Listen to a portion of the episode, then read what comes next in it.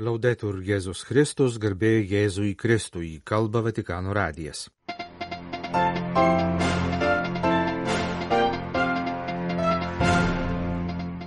Popiežiaus žodžiai prieš sekmadienio vidudienio maldą ir po jos. Mūsų bendradarbis Gedrius Tamaševičius apžvelgs, ką praėjusią savaitę interneto svetainės ir spauda rašė apie bažnyčios gyvenimą Lietuvoje. Toliau mūsų laidoje pokalbis su rašytoja Jurga Vile, kurios knyga Chameleono sapnai, iliustruota Linos Sasnauskaitės, išversta į italų kalbą, dalyvauja Inge Feltrinelli premijos konkurse ir yra viena penkių finališčių tarp knygų vaikams. Trečiojo gavėnio sekmadienio mišių Evangelija kalba apie prekiautojų išvarimą iš šventyklos. Jėzus išvaro pirklius, išvarto pinigų keitėjų stalus ir visus sudraudžia sakydamas, iš mano tėvo namų nedarykite prekybos namų. Trumpoje katechezėje prieš viešpatės angelo maldą popiežius atkreipė dėmesį į kontrastą tarp Evangelijos pasakojime pavartotų terminų - namai ir prekyba. Jei šventykla suprantama kaip prekybos vieta, kaip turgus, Tai norint būti teisiam prieš Dievą, tai reikia nusipirkti avinėlį, sumokėti už jį, atiduoti, kad būtų paukotas ir suvalgytas.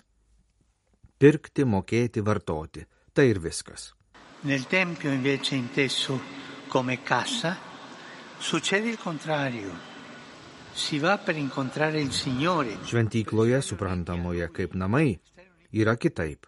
Į tokią šventyklą einama susitikti su viešpačiu vienyti su juo ir su broliais bei seserimis, dalytis džiaugsmais ir vargais.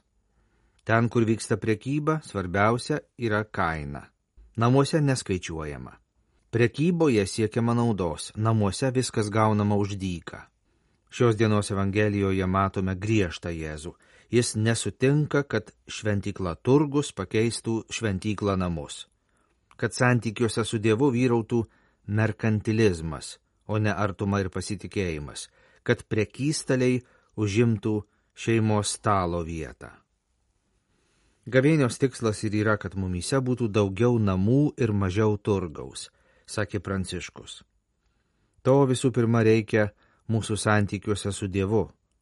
Turime melstis kaip vaikai, kurie nenuilstamai ir su pasitikėjimu beldžiasi į tėvo duris, o ne kaip šykštus ir nepasitikintys prekiautojai. Turime taip pat skleisti brolybę. Popiežius taip pat prašė savęs pačių klausti, ar ir kaip melžiamės, kokie mūsų santykiai su kitais, ar mokame dovanoti, nelaukdami, kad bus mums atsilyginta.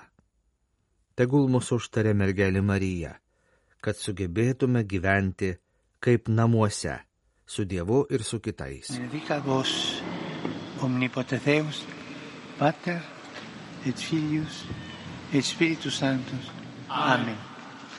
Sekmadienį po viešpaties angelo maldos popiežius vėl prašė melstis už taiką Palestinoje, Izraelyje ir Ukrainoje. Porto quotidianamente nel cuore con dolore la sofferenza delle popolazioni in Palestina e in Izraele. Kasdien su skausmu širdyje nešiojuosi Palestinos ir Izraelio gyventojų kančias dėl vykstančių karo veiksmų. Tūkstančiai žuvusiųjų, sužeistųjų, perkeltųjų asmenų, milžiniški sugriovimai, kelia skausmą. Ir tai turi baisių pasiekmių jauniems ir bejėgiams žmonėms, kurie mato, kad jų ateitis yra greunama. Sakė Pranciškus ir meldė, gana, visi sakykime gana. Raginu tęsti dėrybas dėl netidėliotinų paliaubų gazos ruožė ir visame regione, kad įkaitai būtų nedelsiant išlaisvinti ir grįžtų pas jų nekantriai laukiančius artimuosius. O civiliai gyventojai galėtų saugiai gauti skubiai reikalingą humanitarinę pagalbą. Prašau, nepamirškime kenčiančios Ukrainos, kurioje kasdien žūsta tiek daug žmonių Ten tiek daug skausmo, pridūrė Pranciškus. Sekmadienio vidudienio maldos proga popiežius taip pat priminė kovo penktąją minimą tarptautinę dėmesio skatinimo nusiginklavimo būtinumui dieną. Kiek daug išteklių išvaistoma karinėms išlaidoms, kurios dėja dėl dabartinės padėties tik didėja, kalbėjo Pranciškus. Nuoširdžiai tikiuosi, kad tarptautinė bendruomenė supranta, jog nusiginklavimas yra pareiga. Nusiginklavimas yra moralinė pareiga.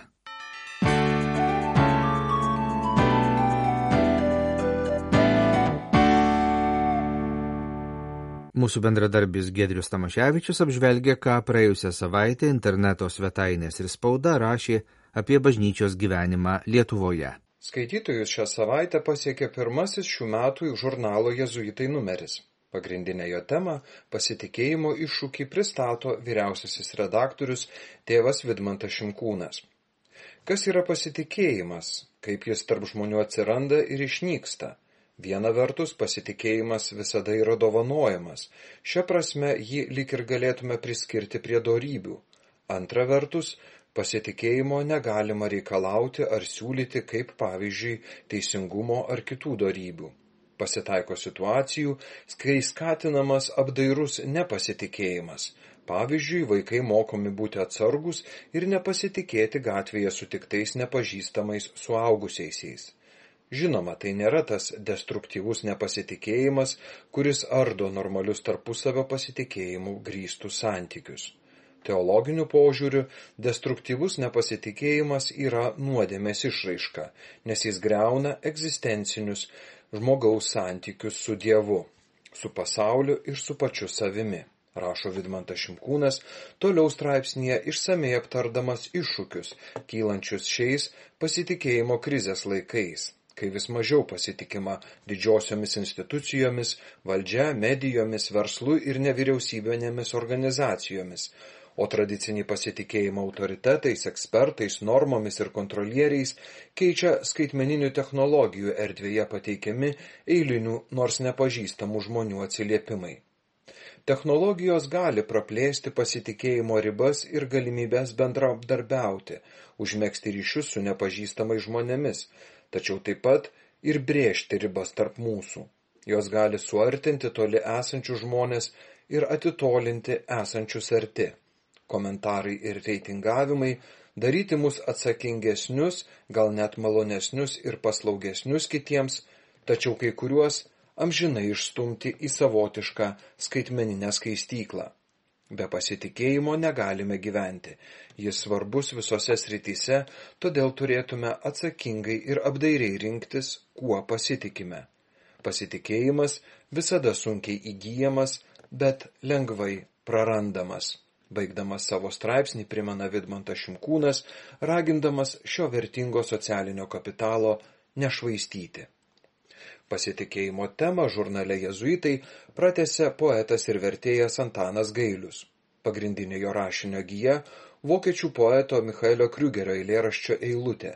Dieve mieliausias, nenoriu tavęs trukdyti, ausys tau išuštos, bet lietų bent kartą atsiųsk, kad ugnys užgestų Amen.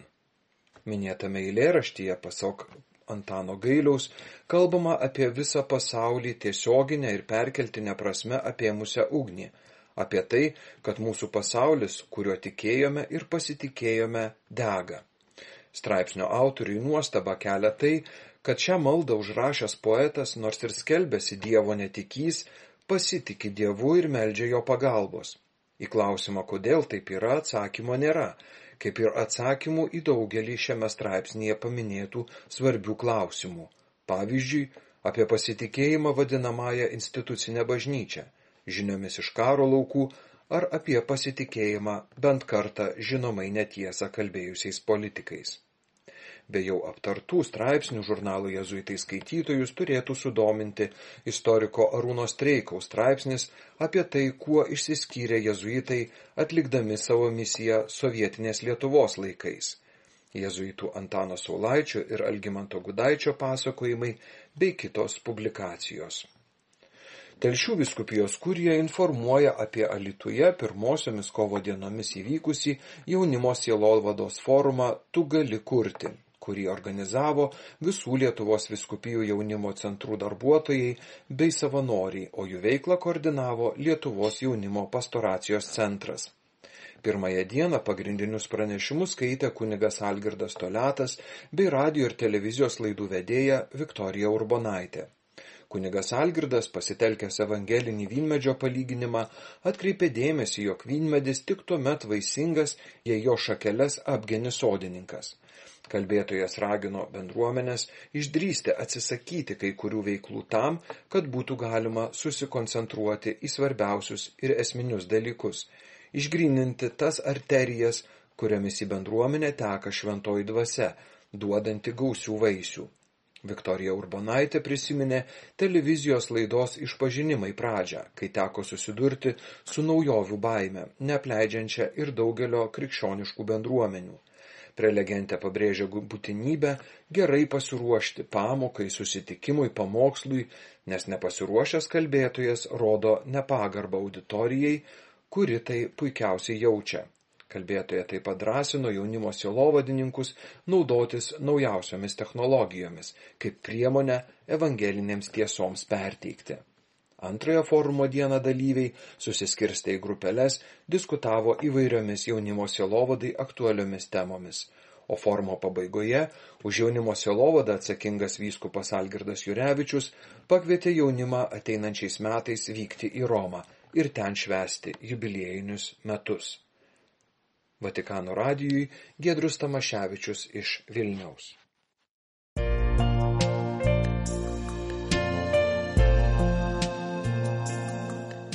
Jūs klausotės Vatikano radijo. Tęsėme žinių laidą lietuvių kalba.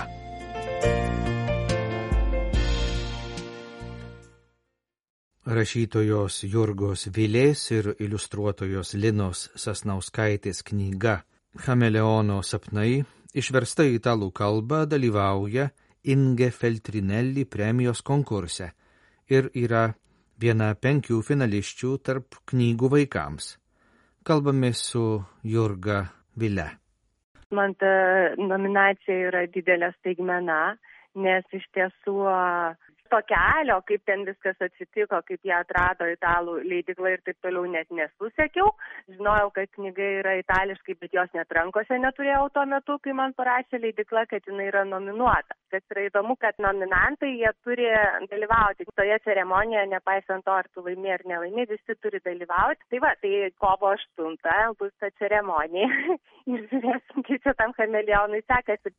Inge Feltrinelli premija apdovanojamos autorės ir kūriniai, kuriuose daugiausia dėmesio skiriama žmogaus teisėms, gamtos apsaugai, kaip jūsų knygoje atsispindi šios temos. Na, iš tikrųjų, kaip žmonės sako, kad jeigu knyga vaikam yra apie gyvų, kažkokius gyvius, gyvūnėlius, tai bet kokiu atveju mes vis tiek kalbame apie žmogų. E, šiuo atveju mes kalbam apie žmogaus santykį su gamta ir su e, mažesniu už save ir galbūt e, aiškiai silpnesniu, bet tuo pačiu metu tas chameleonas aiškiai gali būti žmogus. Uždarytas, su kuriuo nesiskaito, nekreipia dėmesio į jo poreikius ir jo teisės. Tokie du sluoksniai šioje istorijoje.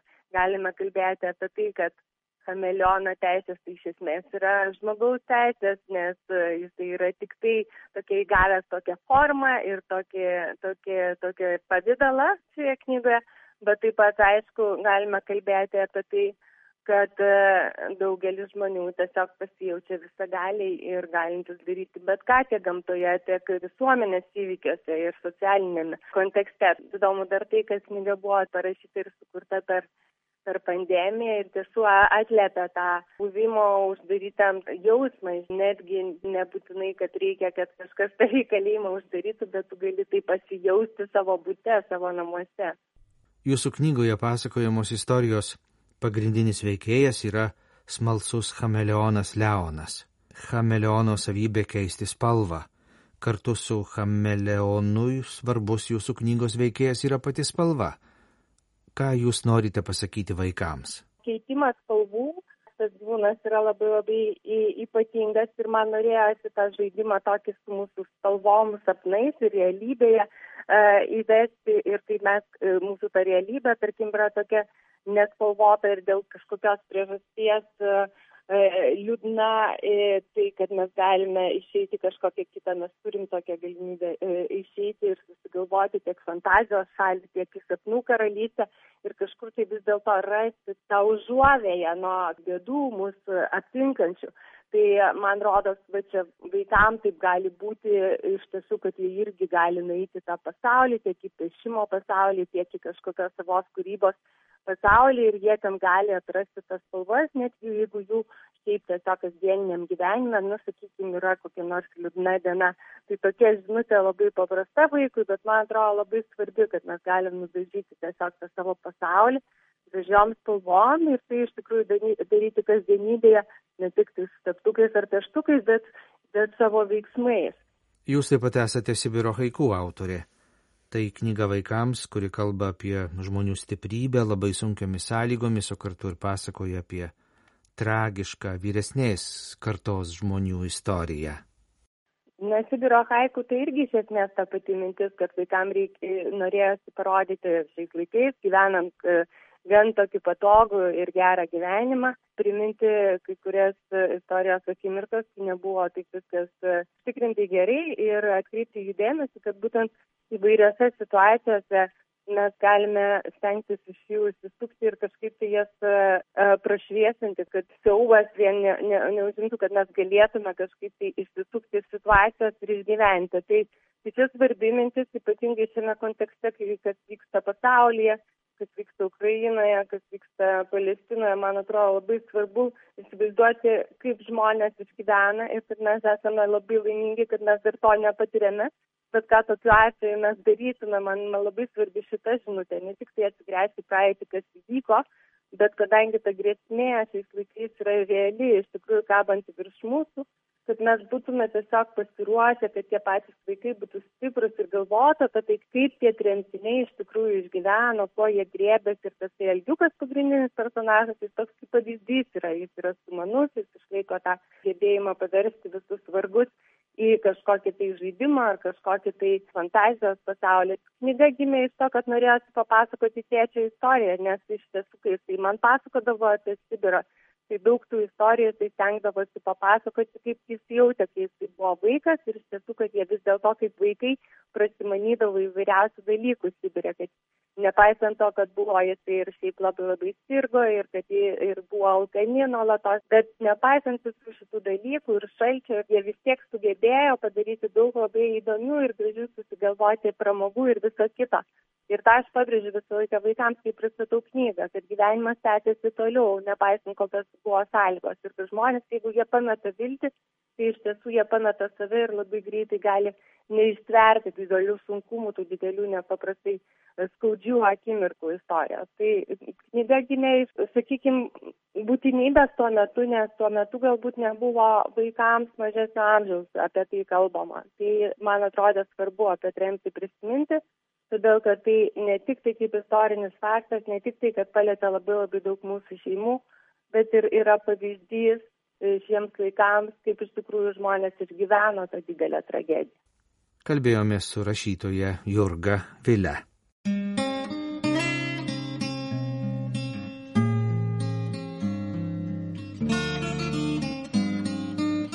Kalba Vatikano radijas. Laidą lietuvių kalba baigėme. Garbėjai Jėzui Kristui, laudetur Jėzus Kristus.